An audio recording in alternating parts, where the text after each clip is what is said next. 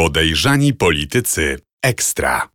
Zapraszają Radosław Gruca i Mariusz Gierszewski. Ujawniliśmy w Radiu Z e, historię kobiety, która zgłosiła do prokuratury wyjątkową sytuację w szpitalu w Legnicy.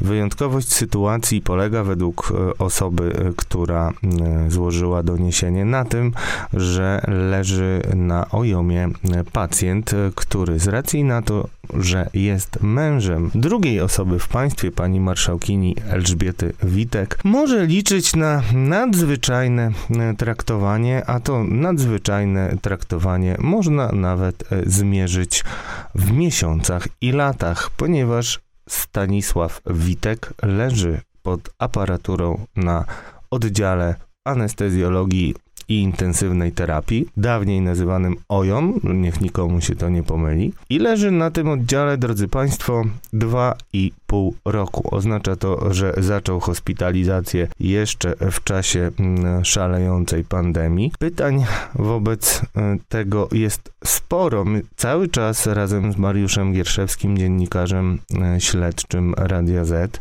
czekamy na odpowiedzi. E, kolejne pytania dosłaliśmy. Ciągle mm, tych odpowiedzi nie mamy.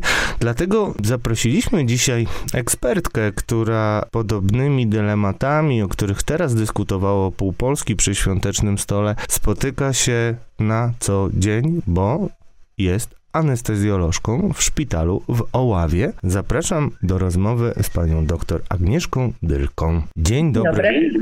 Witam serdecznie pani doktor. Bardzo pani dziękuję, że w ogóle dziękuję pani, że zabra, zabrała pani głos, bo mm, mam takie wrażenie, że jakoś lekarze borykają się z jakimiś dylematami, lękami, nie wiem jak to nazwać, nie chcę nikogo e, obrażać. To znaczy chyba, że pani szpital no, nie ma sobie nic do zarzucenia, co bardzo mnie cieszy. Pytanie jest takie, jeżeli by przyszła do pani taka hipotetyczna osoba na oddział, która wymaga podłączenia do respiratora. Nie ujawniamy tutaj żadnych e, danych. Wiadomo, że każda sytuacja e, jest inna, ale Ludzie teraz zaczęli dyskutować na temat tego, że gdyby takiego pacjenta jak Stanisław Witek wypisać z OIT-u, z oddziału intensywnej terapii i anestezjologii, to oznaczałoby tak naprawdę to samo, co w przypadku Polaka z Wielkiej Brytanii, który mocno zapadł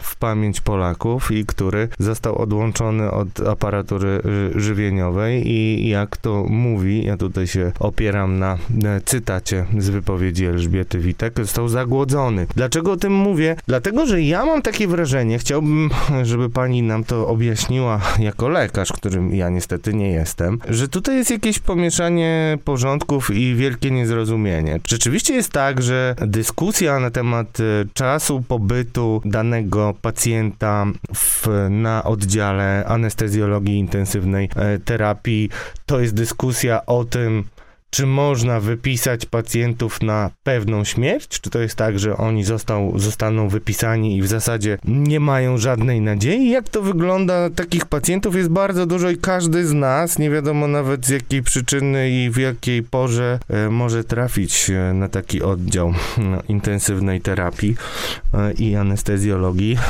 I co? I czy ktoś może liczyć, zna pani takie przypadki, żeby ktoś mógł dwa lata leżeć na oddziale e, intensywnej terapii? To znaczy, myślę, że tak jak Pan powiedział, miesza się tutaj bardzo wiele pojęć i ja osobiście bardzo się cieszę z tego, że taka dyskusja w ogóle się pojawiła w naszym społeczeństwie, bo wydaje mi się, że takiej dyskusji no, od wielu, wielu lat brakuje e, na temat e, granic leczenia, na temat miejsca leczenia i na temat chyba tego, że nie każda terapia jest dla każdego i nie każde miejsce jest tak samo zasadne do stosowania tej terapii.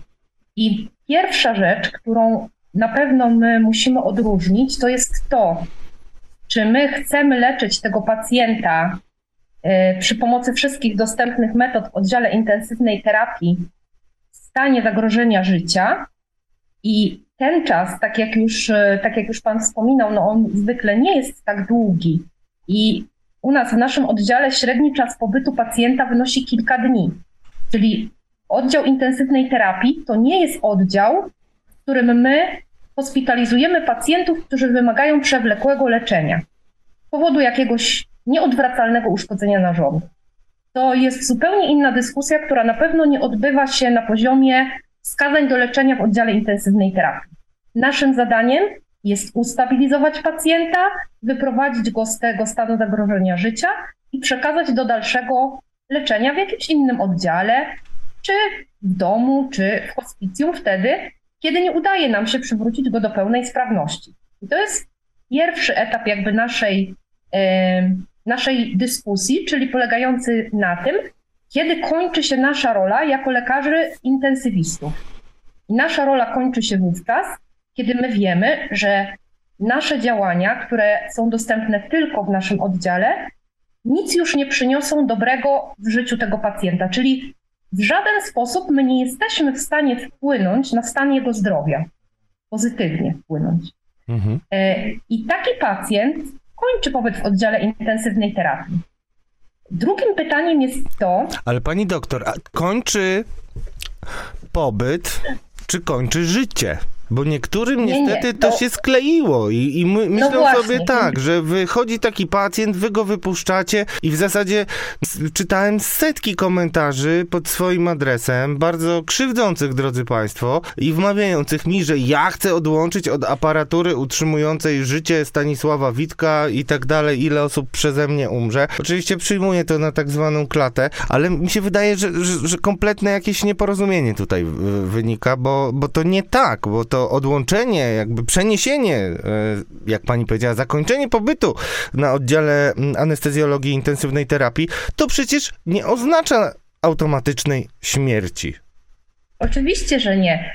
To, y, to jest, tak jak mówię, pierwszy etap, który my musimy tutaj sobie zupełnie wyodrębnić. To jest dyskusja, czy ten pacjent powinien leżeć na oddziale intensywnej terapii. I teraz załóżmy, że dochodzimy do wniosku, że nie powinien leżeć.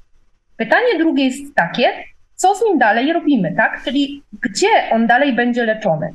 I część pacjentów, oczywiście, wskutek ciężkiej choroby czy urazu, yy, który był przyczyną tego, że w ogóle znalazł się w tym oddziale, yy, będzie wymagało dalszej opieki, ale myślę, że takie może obrazowe, może to do Państwa tak jakby przemówi, to jest takie porównanie, że no zdarza się na przykład, że jakiś pacjent doznaje niewydolności nerek, mhm. uszkodzenia nerek. Trafia do szpitala, Y, tam dopiero okazuje się, że ma chore nerki, że wymaga dializoterapii. No i faktycznie jest włączany w program dializ. I proszę Państwa, to przecież nie oznacza dla tego chorego, że on do końca swoich dni będzie leżał na oddziale nefrologii. On wychodzi do domu i jest dializowany, jest ewentualnie szykowany do transplantacji nerki. Natomiast pobyt tego chorego jest pobytem domowym, a nie szpitalnym. Tutaj jest troszeczkę y, o tyle takie zamieszanie, myślę, y, wynikające z niezrozumienia tego, że respirator jako urządzenie, które podtrzymuje funkcje oddechowe, nie jest maszyną, która jest zarezerwowana do używania jej w oddziale intensywnej terapii. Y, respirator jest możliwy do użycia w domu, w zakładzie opiekuńczo-leczniczym, a także w oddziałach zachowawczych. Niektóre oddziały na przykład oddziały chorób wewnętrznych, oddziały neurologii, neurochirurgii, kardiologii, dysponują również oddziałami wzmożonego nadzoru, gdzie respiratory również są używane. I oddział intensywnej terapii to nie jest oddział wentylacji, to nie jest oddział leczenia respiratorem, to jest oddział leczenia ostrych stanów, których my jesteśmy zmuszeni użyć wielu zarówno sprzętów, wielu E, leków, e, wielu specjalistów zaangażować do opieki nad tym chorym.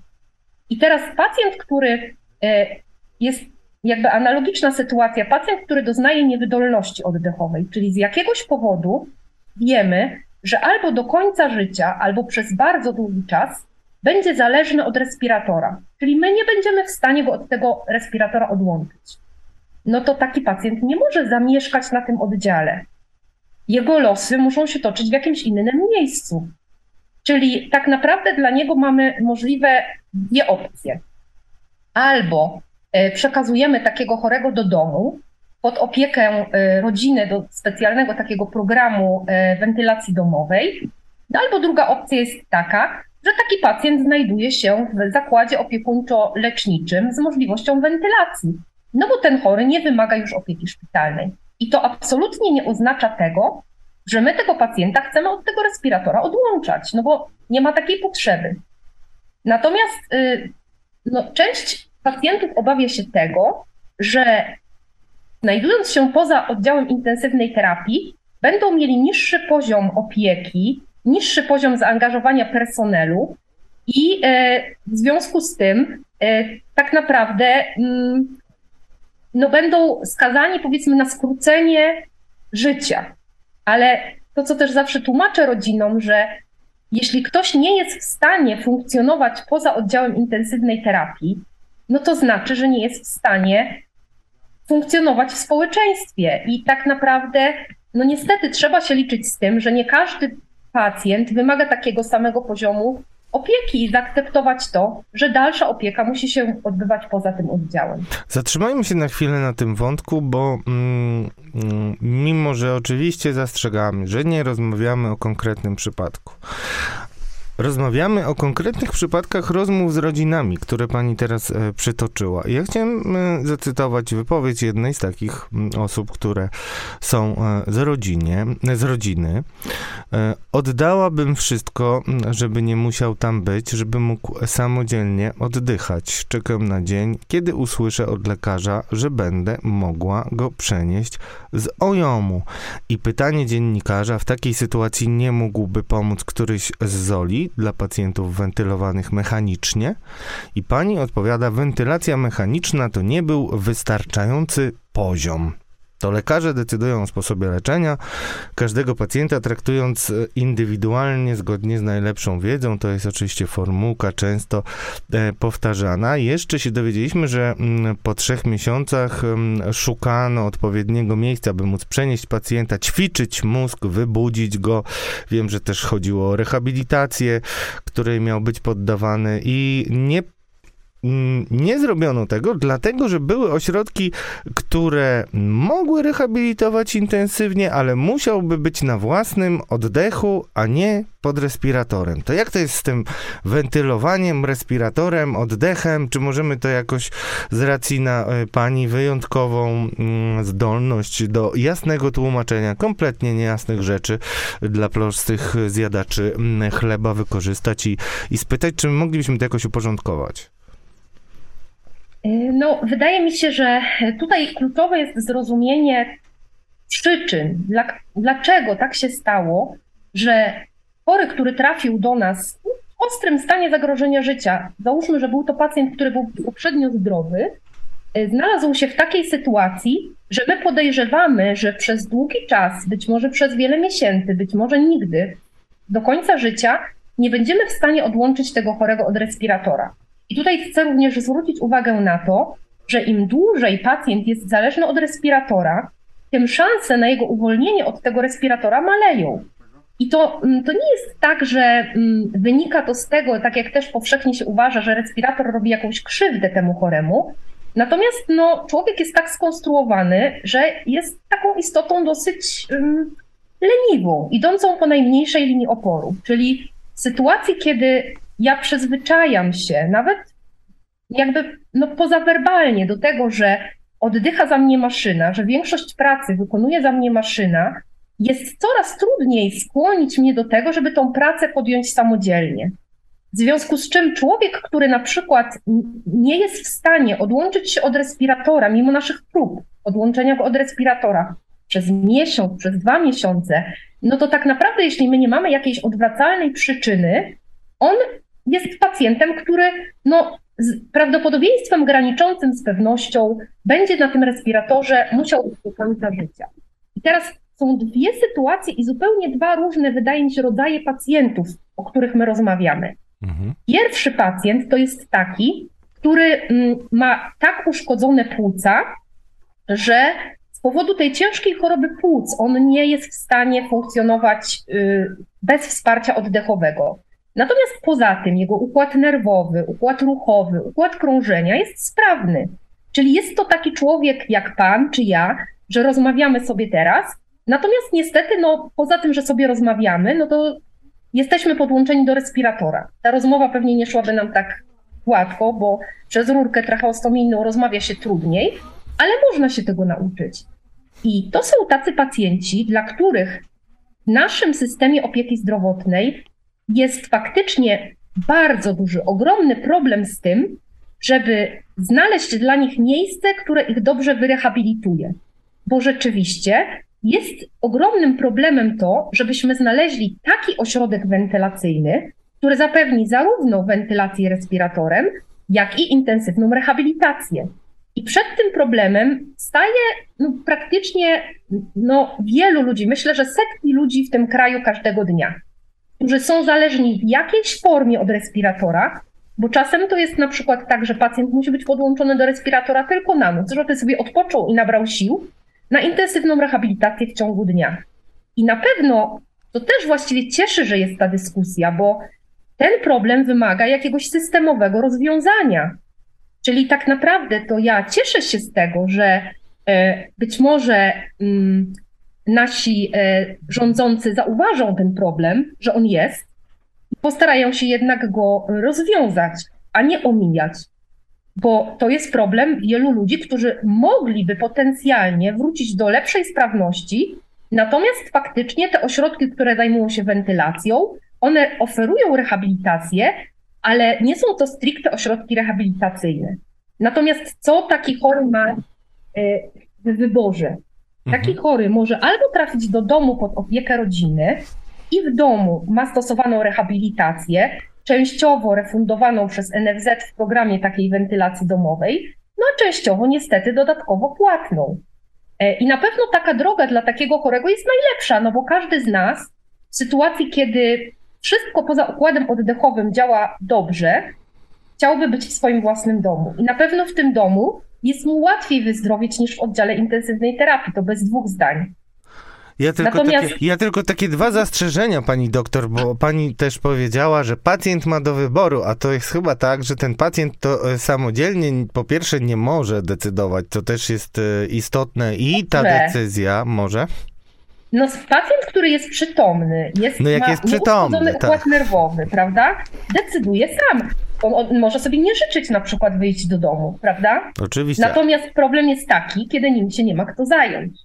I to jest niestety kłopot i tutaj no nie każdy, nie każdy może liczyć na to, że w domu ma na tyle, może nie na tyle troskliwą rodzinę, ale na tyle nawet sprawną fizycznie, no bo na przykład no, mając pod opieką pacjentów starszych, którzy mieszkają albo sami, albo na przykład no, ich dzieci pracują, nie są w stanie zrezygnować z pracy zawodowej, żeby zajmować się matką czy ojcem. No bo to nie jest takie proste, mimo to, że e, no, każdy, każdemu wydaje się, że zrobiłby wszystko, co najlepsze dla swojego bliskiego, no ale to nie może też być tak, że ktoś rezygnuje z pracy, opiekuje się 24 godziny na dobę Y, ojcem podłączonym do respiratora, który nie ma jeszcze w pełni takiej sprawności, żeby powiedzmy poruszać się samodzielnie po mieszkaniu, no bo nie może sobie na to pozwolić, no bo nie będzie miał za co po prostu żyć, zwyczajnie mówiąc. I takich pacjentów my przekazujemy do takich zakładów opiekuńczo-leczniczych, czyli takich, e, e, takich miejsc, które nie są stricte szpitalami i w których poziom opieki jest dużo niższy niż w oddziale intensywnej terapii. To to w ogóle nie jest tak, że my te rodziny oszukujemy i mówimy, że tam będzie tak jak na intensywnej terapii. Nie, tam ten pacjent nie będzie podłączony do pięciu monitorów, tam nie będzie miał swojej dedykowanej pielęgniarki, nie będzie dostawał leków w pompach na konkretną godzinę, bo zakład opiekuńczo-leczniczy jest bardziej zbliżony do warunków domowych niż szpitalnych. I e, niestety ten poziom opieki będzie niższy, ale będzie niższy dlatego, że ten pacjent nie wymaga takiego poziomu, jaki oferuje intensywna terapia. On tylko jest zależny od respiratora. No wyobraźmy sobie jeszcze raz, jeśli my jesteśmy w stanie wypisać tego chorego do domu pod opiekę rodziny i wiemy, że jest on bezpieczny w tym domu, czyli wypisujemy go do domu, gdzie tak naprawdę respirator, e, stak, tlen obsługuje żona, córka, mąż takiej osoby, no to równie dobrze możemy go wypisać do ZOL-u, gdzie opiekę nad nim sprawuje pielęgniarka, lekarz, ale nie jest to opieka tak bardzo zaawansowana medycznie, jak opieka w oddziale intensywnej terapii. I to jest jedna grupa chorych, i wydaje mi się, że o takich chorych e, mówimy wówczas, kiedy, kiedy właśnie oni mają zdrowy układ nerwowy, chore płuca. Druga, dużo częściej spotykana sytuacja w naszych warunkach jest taka, że pacjent dlatego jest zależny od respiratora, że ma uszkodzony układ nerwowy. Mhm. Czyli nie jest w stanie panować nad swoimi odruchami, nad odruchem kaszlu, e, nad e, prawidłowym sposobem oddychania, dlatego, że ma nieodwracalnie zniszczony mózg. To jest druga bardzo duża grupa pacjentów. To są pacjenci na przykład po długim zatrzymaniu krążenia, po dużym udarze, po dużym urazie głowy, e, czasami po wypadku z urazem głowy, po pobiciach. No to są chorzy, u których doszło do nieodwracalnego uszkodzenia mózgu. My mówimy o takich chorych, że oni są w stanie wegetatywnym. Często rodziny mm, jakby mylą się i e, uważają, że to są chorzy, którzy są w śpiączce. I oni jakby czekają cały czas, aż ten pacjent wybudzi się z tej śpiączki.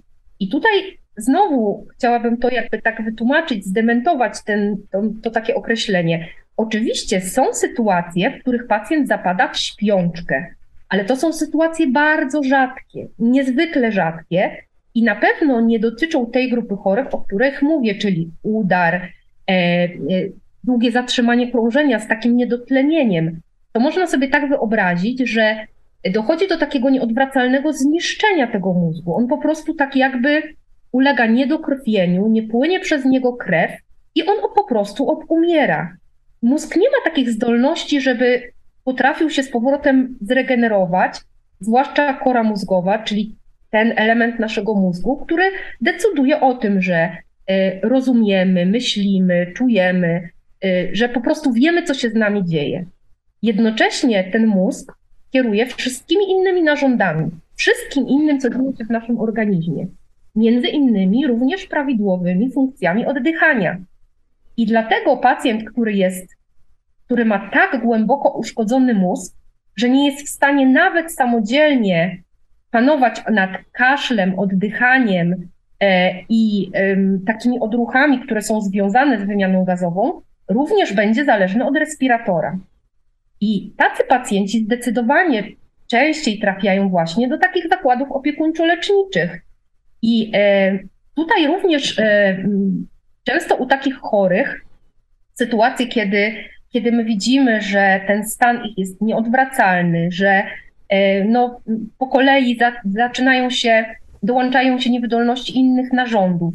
No bo tak jak mówię, mózg steruje wszystkim innym, więc taki człowiek z definicji będzie miał skrócony okres przeżycia. No nie ma innej możliwości.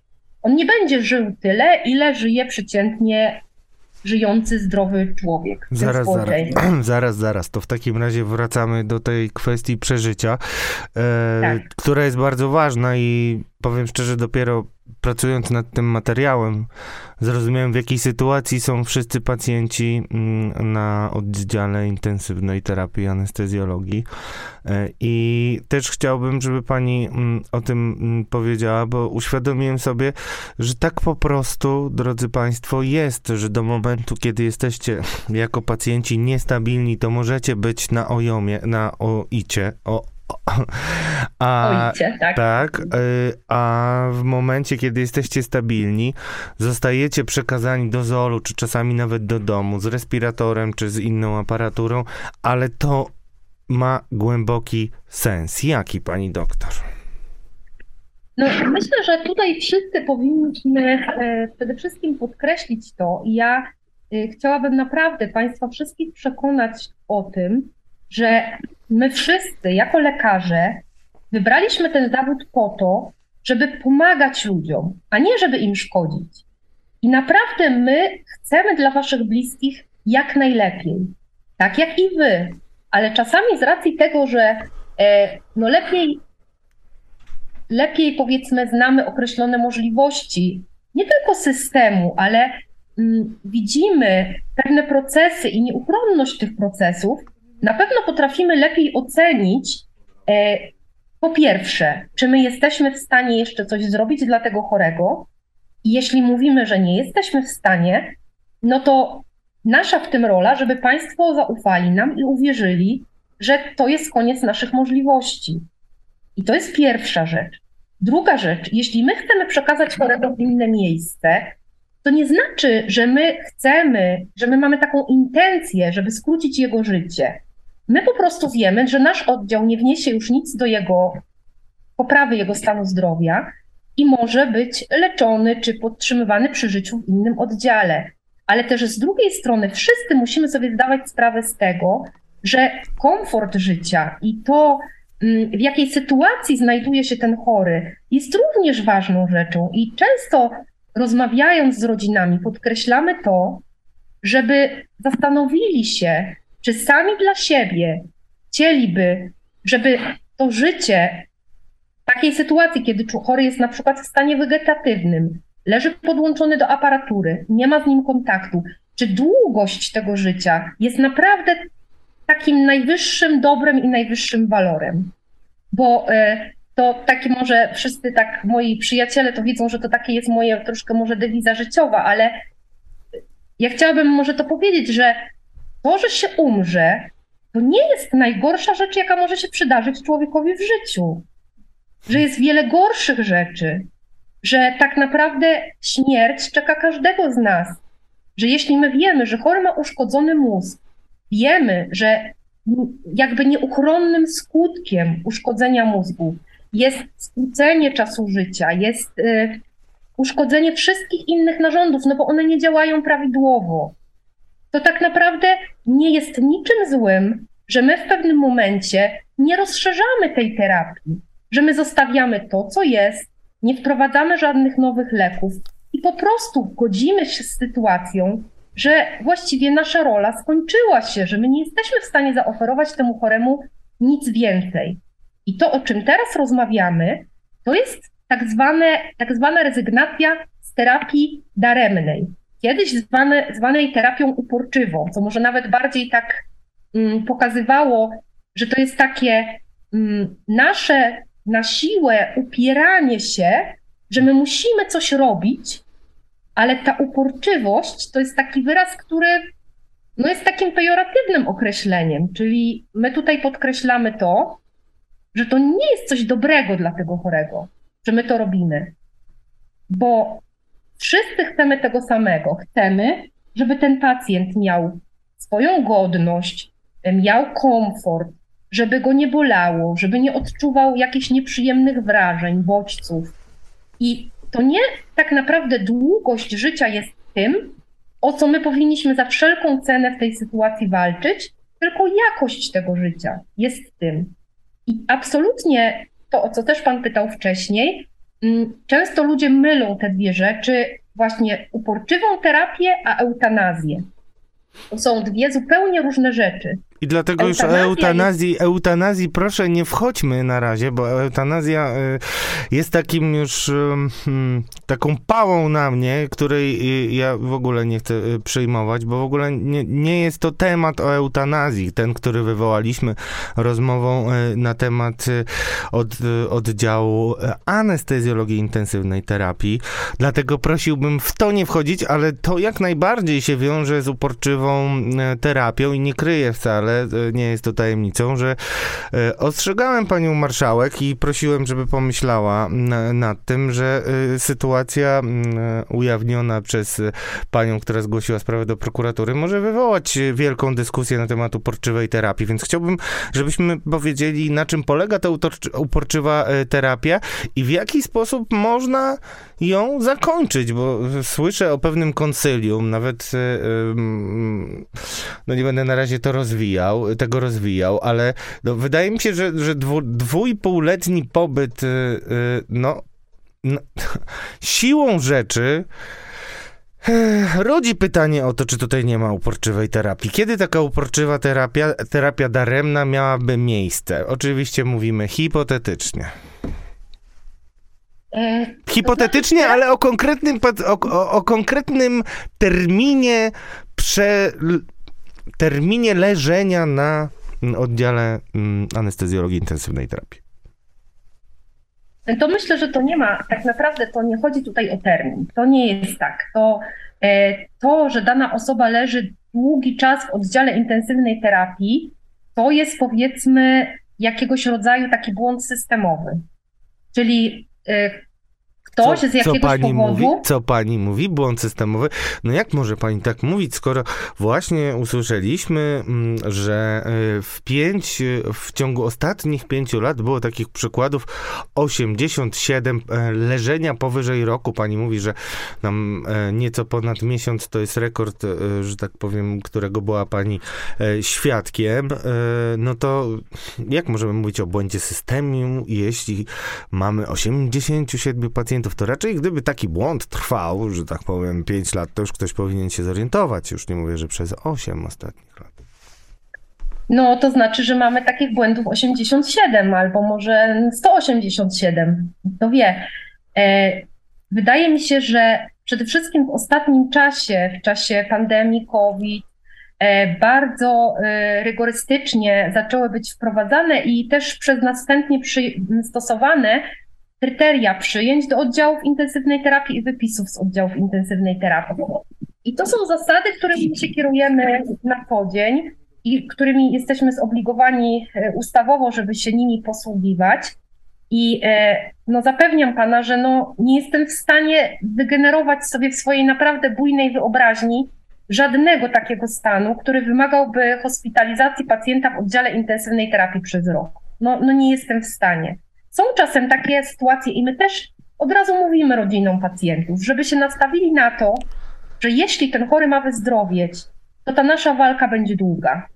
I to są na przykład chorzy, którzy ulegli jakiemuś wypadkowi, mają urazy y, komunikacyjne, wielonarządowe, y, którzy wymagają po prostu wielu zabiegów operacyjnych, y, mają wiele narządów uszkodzonych to są chorzy na przykład z ostrym zapaleniem trzustki, która, która jest wyjątkowo paskudną chorobą i taką e, długo leczącą się, ale mówiąc o długim pobycie, no to ja mam tutaj na myśli na przykład dwa miesiące pobytu. To jest pobyt długi. Długi pobyt to jest powyżej miesiąca. COVID również był takim e, bardzo niewdzięcznym do leczenia stanem, gdzie ci pacjenci leżeli bardzo długo na respiratorze i bardzo długo wymagali naprawdę tej intensywnej terapii, ale to też mam na myśli na przykład 3-4 tygodnie, czasami 6 tygodni. I to y, jakby dlatego było też dla nas takie takie no, mm, trudne, że, że faktycznie te pobyty były bardzo długie, wymagały bardzo dużo takiej intensywnej i żmudnej pracy opieka nad tymi pacjentami, natomiast ich rokowanie często też było niedobre.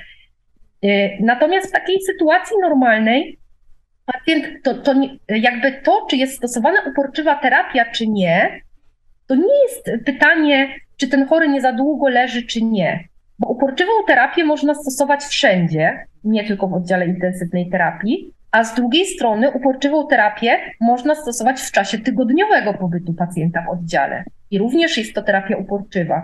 Czyli co to jest? To jest stosowanie takiego leczenia, które my wiemy, że nie przyniesie żadnej korzyści temu pacjentowi. A hmm. skąd my to wiemy? No bo o to też pytają rodziny. No taki mamy zawód. No, też jakby też musicie Państwo jakby nam zaufać, uwierzyć, nasza w tym rola, żebyście nam zaufali i uwierzyli, że my naprawdę staramy się zrobić wszystko, co możliwe, żeby ten pacjent wyzdrowiał, ale w pewnym momencie dochodzimy do wniosku, że nie mamy już możliwości, żeby mu pomóc. I wówczas rozmawiamy sobie oczywiście w zespole na ten temat. I z rodziną, tak... i z rodziną musicie też rozmawiać. Najpierw chyba. rozmawiamy ze sobą dlatego że musimy ustalić, jaka jest nasza, nasze wspólne stanowisko. I często jest tak, że na przykład ktoś z nas ma jeszcze jakieś wątpliwości i mówi, a może jeszcze spróbujmy jakiejś terapii. My wtedy zawsze, jeśli ktokolwiek z nas ma jakiekolwiek wątpliwości, że może jeszcze jest jakaś rzecz na świecie, której moglibyśmy spróbować, to my zawsze próbujemy. Czyli ta decyzja jest zawsze podejmowana jakby na korzyść terapii. Jeśli ktokolwiek z nas uważa, że coś temu pacjentowi jest w stanie pomóc, poprawić jego stan. Natomiast jest taka sytuacja, zdarza się, no zdarza się, wcale nierzadko, każdy z nas wie i nie ma już żadnych wątpliwości, że my danemu pacjentowi nie pomożemy. I wówczas każda forma terapii, czyli stosowanie y, nowych antybiotyków, stosowanie nowych leków, włączanie leków wspomagających krążenie, zwiększanie parametrów wentylacji, no bo też respirator to jest urządzenie, które ma różne, można powiedzieć, e, różny poziom e, wspomagania. No, my sami ustalamy, jakie, jaką terapię będziemy stosować, a jaką nie. Sporządzamy taki dokument, w którym to wszystko dokładnie określamy, i wówczas dopiero, kiedy wiemy, co będziemy robili, wiemy, czego nie będziemy robili, informujemy o tym rodzinę chorego. Mówimy, że rozmawialiśmy ze sobą, że uważamy, że nie jesteśmy w stanie nic już więcej zrobić dla tego pacjenta i dlatego podjęliśmy taką decyzję, że zostawiamy mu oczywiście całe to leczenie, które on ma, czyli zostawiamy mu żywienie, zostawiamy mu leki przeciwbólowe, zostawiamy mu leki, które wpływają na jego komfort, natomiast jednocześnie nie wdrażamy już żadnych nowych terapii, bo uważamy, że to nie jest przedłużanie życia, ale przedłużanie nieuchronnego procesu umierania. Hmm.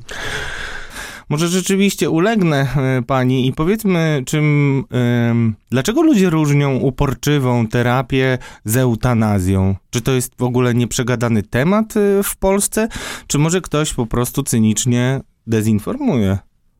Wydaje mi się, że to e, wynika chyba z niewiedzy, ponieważ eutanazja jest czymś całkowicie Y, całkowicie, no wiadomo, niedopuszczalnym, y, zarówno w charakterze prawnym, jak i etycznym.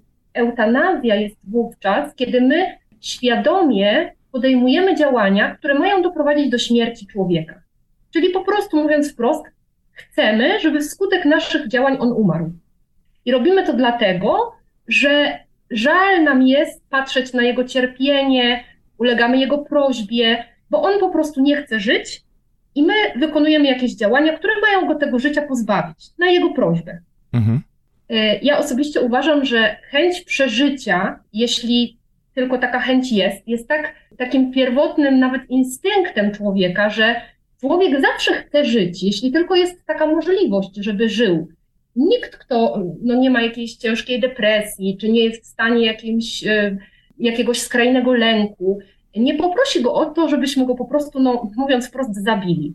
W związku z czym to jest temat, który w ogóle jest y, no, taki całkowicie nam obcy, z którym my się na co dzień nie spotykamy. I nie zdarzyło mi się nigdy, żeby ktoś poprosił mnie, żebym dokonała eutanazji. Natomiast terapia daremna czy terapia uporczywa jest równie złą rzeczą, jak pozbawianie człowieka życia. To znaczy, my stawiamy siebie w sytuacji kogoś, kto jest w stanie decydować o życiu i śmierci.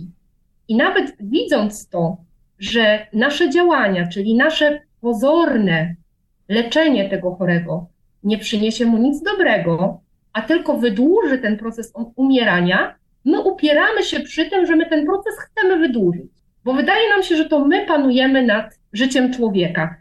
I może denerwuje mnie to tym bardziej, że no, ja jestem katoliczką, i, e, no i również nauka Kościoła jest dla mnie ważna i nie widzę żadnej sprzeczności, żadnej w tym, co robimy w swojej pracy, w tym, do czego jesteśmy przyzwyczajeni, w tym, o czym Państwu opowiadałam, czyli e, jakimś takim e, rozdzielaniu środków w sposób taki, jak to nawet właśnie katechizm Kościoła katolickiego określa, proporcjonalny. Czyli leczymy pacjentów takich, których uważamy, że jesteśmy w stanie wyleczyć, a tych, których nie jesteśmy w stanie wyleczyć, po prostu nie leczymy. Jest to takie, no jest to takie proste, ale tak naprawdę wydaje mi się, że większość rzeczy, jeśli nie zaczynamy ich udziwniać, to są rzeczy proste. Bardzo dużo się teraz e, mówi o e, naukach Jana Pawła II e, i bardzo się osobiście z tego cieszę, bo dyskusja może nas prowadzić tylko ku dobremu. Może tak być. No i tak się zastanawiam, czy może słowa i nauki Jana Pawła II miałyby tutaj zastosowanie i może by pozwoliły trochę wygasić emocje. No wydaje mi się, że no tutaj pan akurat trafił naprawdę w dziesiątkę, bo takim dokumentem, który e, bardzo dla osób właśnie, dla osób wierzących, dla osób dla których e, nauka Kościoła jest jakimś wyznacznikiem też moralności, ale również wydaje się, że dla osób niewierzących te nauki Jana Pawła II są czymś takim bardzo ważnym, bardzo w sposób taki ładny, porządkującym właśnie naszą pracę, nasze obowiązki i nasze prawa. I e, Jan Paweł II stworzył taki dokument, który, który dla nas, e, dla lekarzy, jest takim naprawdę przewodnikiem. Dla mnie osobiście ja bardzo lubię ten dokument, zwłaszcza te jego fragmenty właśnie, które, e, które z nas może ściągają ten taki ciężar właśnie na siłę przedłużania życia człowieka. Ten dokument to jest encyklika, która się nazywa Evangelium Vitae. Mhm. I e, ja sama czytałam tą encyklikę i czasami właśnie sięgam do tych fragmentów, które opisują uporczywą terapię, opisują e, godną śmierć człowieka, która chyba wydaje mi się, że my o tym w ogóle nie rozmawiamy i to jest źle. I tym bardziej złości mnie, bardzo mnie złości to, że ludzie, którzy, no nie wiem, może nie znają tych dokumentów, może nie mają takiej wiedzy na temat nauki Kościoła, może od tego Kościoła są jakoś troszkę dalej. Brzydko mówiąc, no, wycierają sobie buzię w sytuacji takiej niewygodnej dla siebie, takimi właśnie stwierdzeniami, że Bóg tak chciał, że my się bawimy w Boga. A ja mam czasami wrażenie, że my bardziej bawimy się w Boga, kiedy my chcemy za wszelką cenę przedłużać ten proces życia, mimo że wiemy, że nie mamy szans przedłużyć, nie mamy szans uzdrowić człowieka.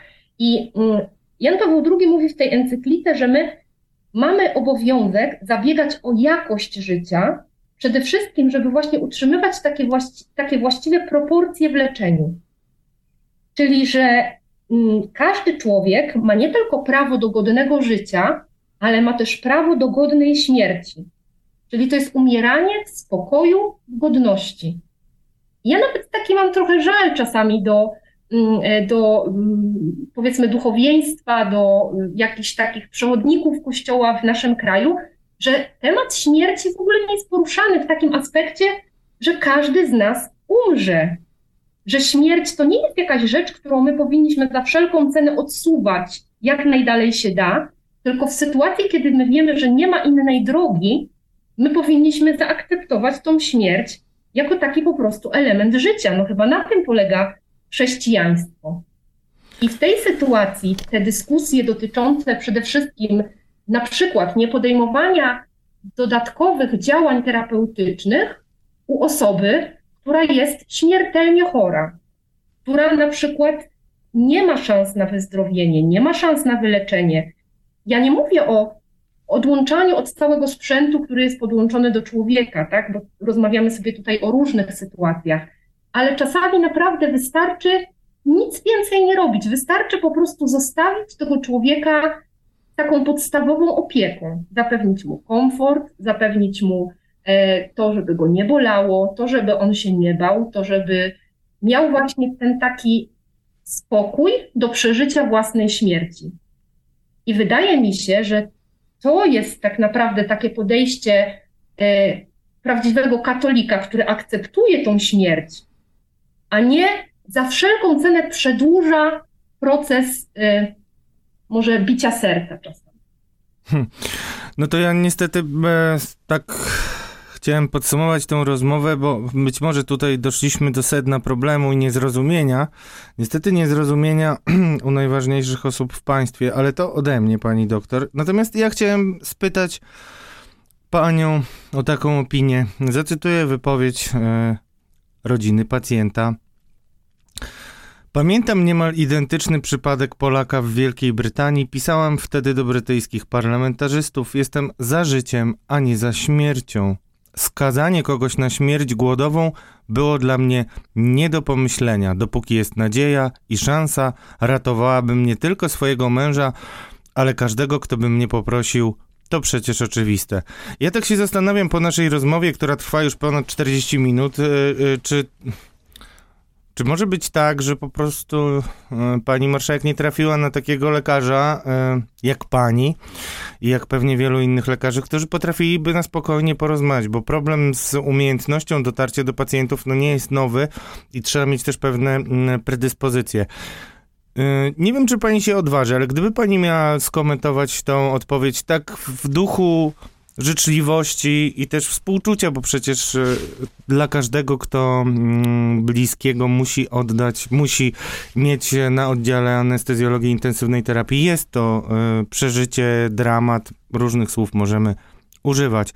Ale gdyby pani miała wytłumaczyć, w czym tkwi błąd w takim rozumowaniu, to jakich by pani argumentów używała?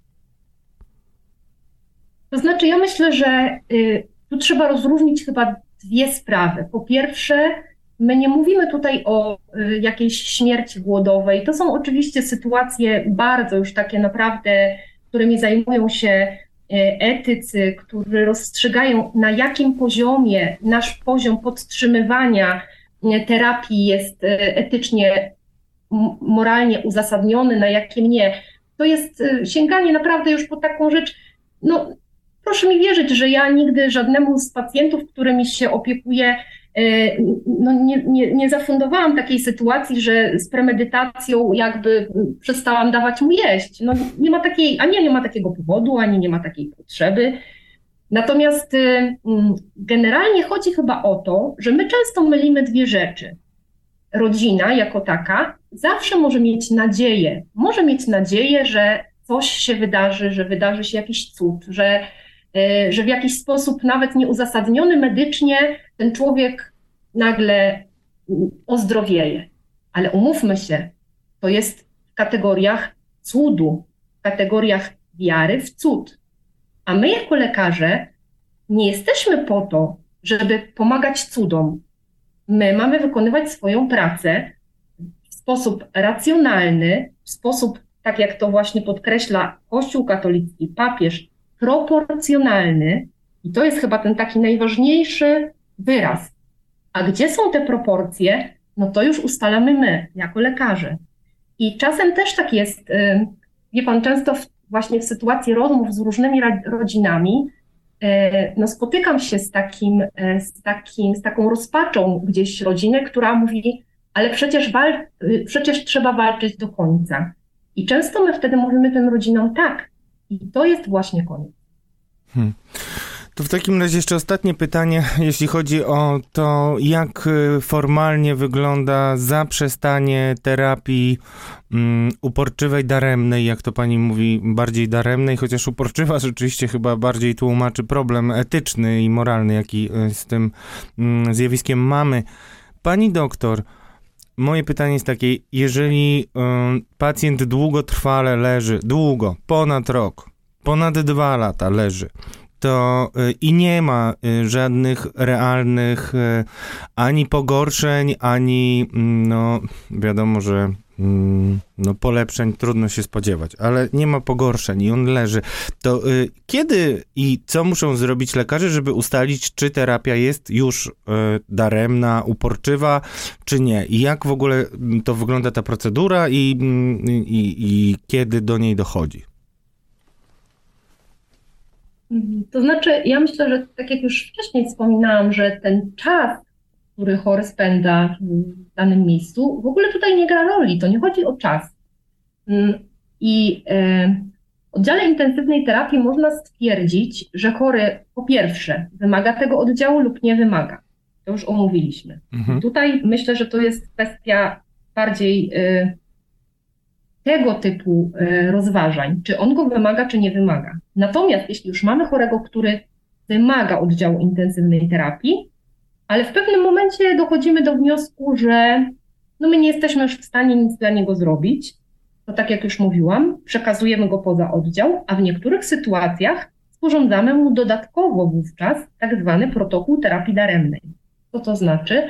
To znaczy, że ustalamy w całym zespole, że nie będziemy już więcej E, wdrażać nowych mm, metod leczenia, nowych nowych leków. E, no to pani, będziemy... to pani mówiła i też mówiła pani o tym zespole, ale no tak y, oczywiście to nie jest żart i tak dalej, ale w jaki sposób takie uzgadnianie może mieć e, miejsce? No bo też jakby często w tej dyskusji słyszymy, że to przecież ostatecznie decydują lekarze. To może rzeczywiście jest taka sytuacja, że nie wiem, część zespołu była takiego zdania, część innego, ale załóżmy, że jednak taki już protokół e, mamy, no to co, to wtedy w zasadzie p, powinny już rodziny pakować takiego pacjenta e, i on musi być przeniesiony do ZOL-u albo do oddziału paliatywnego? To do, do tego się to sprowadza?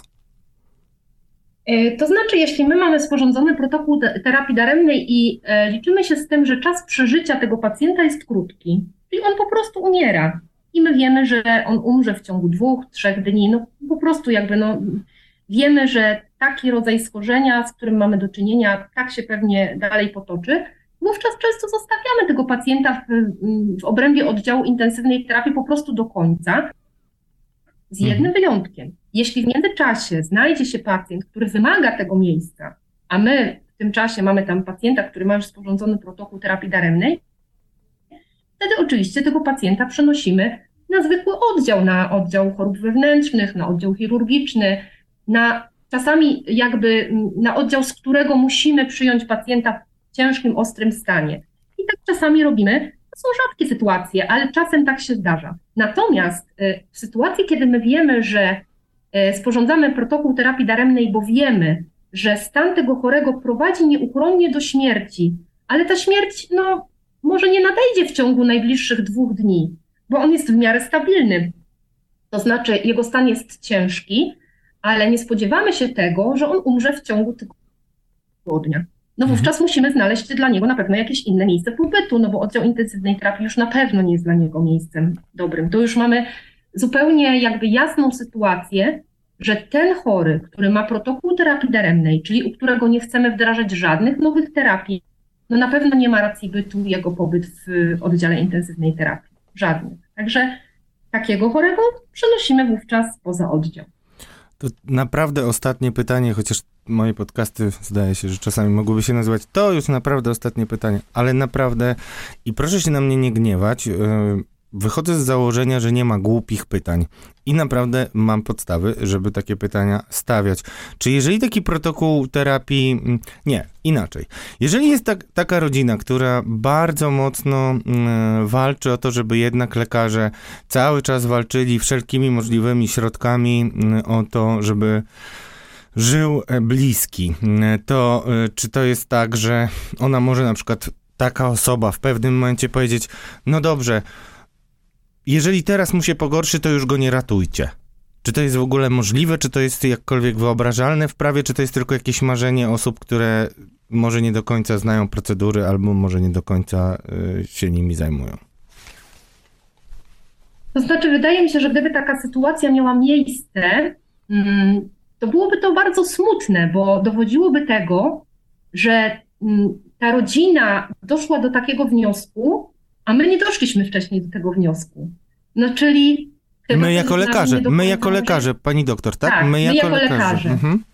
No bo zwykle, no umówmy się, to właśnie rodzina jest, e, to jest, to jest, e, to są ludzie, którzy są najbliżsi dla tego chorego i którym ta decyzja o tym, że oni pogodzą się z tą sytuacją, że my ten protokół terapii daremnej sporządziliśmy, jest trudną decyzją. I raczej w drugą stronę to przebiega, że to my wiemy, że nie jesteśmy w stanie nic zrobić i my informujemy rodzinę o tym, że taki protokół sporządziliśmy, bo to nie rodzina bierze w tym udział, żeby to było jasne. To jakby rodzina jest informowana o tym, że podjęliśmy taką decyzję. Rodzina nie jest tutaj stroną w sprawie, żadną. Mhm. Natomiast jeśli rodzina sama widzi to, że. Yy, że temu choremu, że on po prostu cierpi, że, że jego komfort życia jest niski. E, I sami dochodzą do wniosku, że to, co robimy, jest terapią uporczywą, to znaczy, że my już jesteśmy kilka kroków za daleko. I to jest po prostu smutne, bo to znaczy, że, mm, że taka rodzina, która sama występuje jakby z takim wnioskiem, e, no chyba nas trochę zawstydziła. Ja bym tak to zinterpretowała, gdyby gdyby mi się taka sytuacja kiedyś zdarzyła, że rodzina sama przychodzi do mnie i prosi, żebym już zluzowała ze swoją uporczywością terapeutyczną. odebrało mi mowę pani doktor.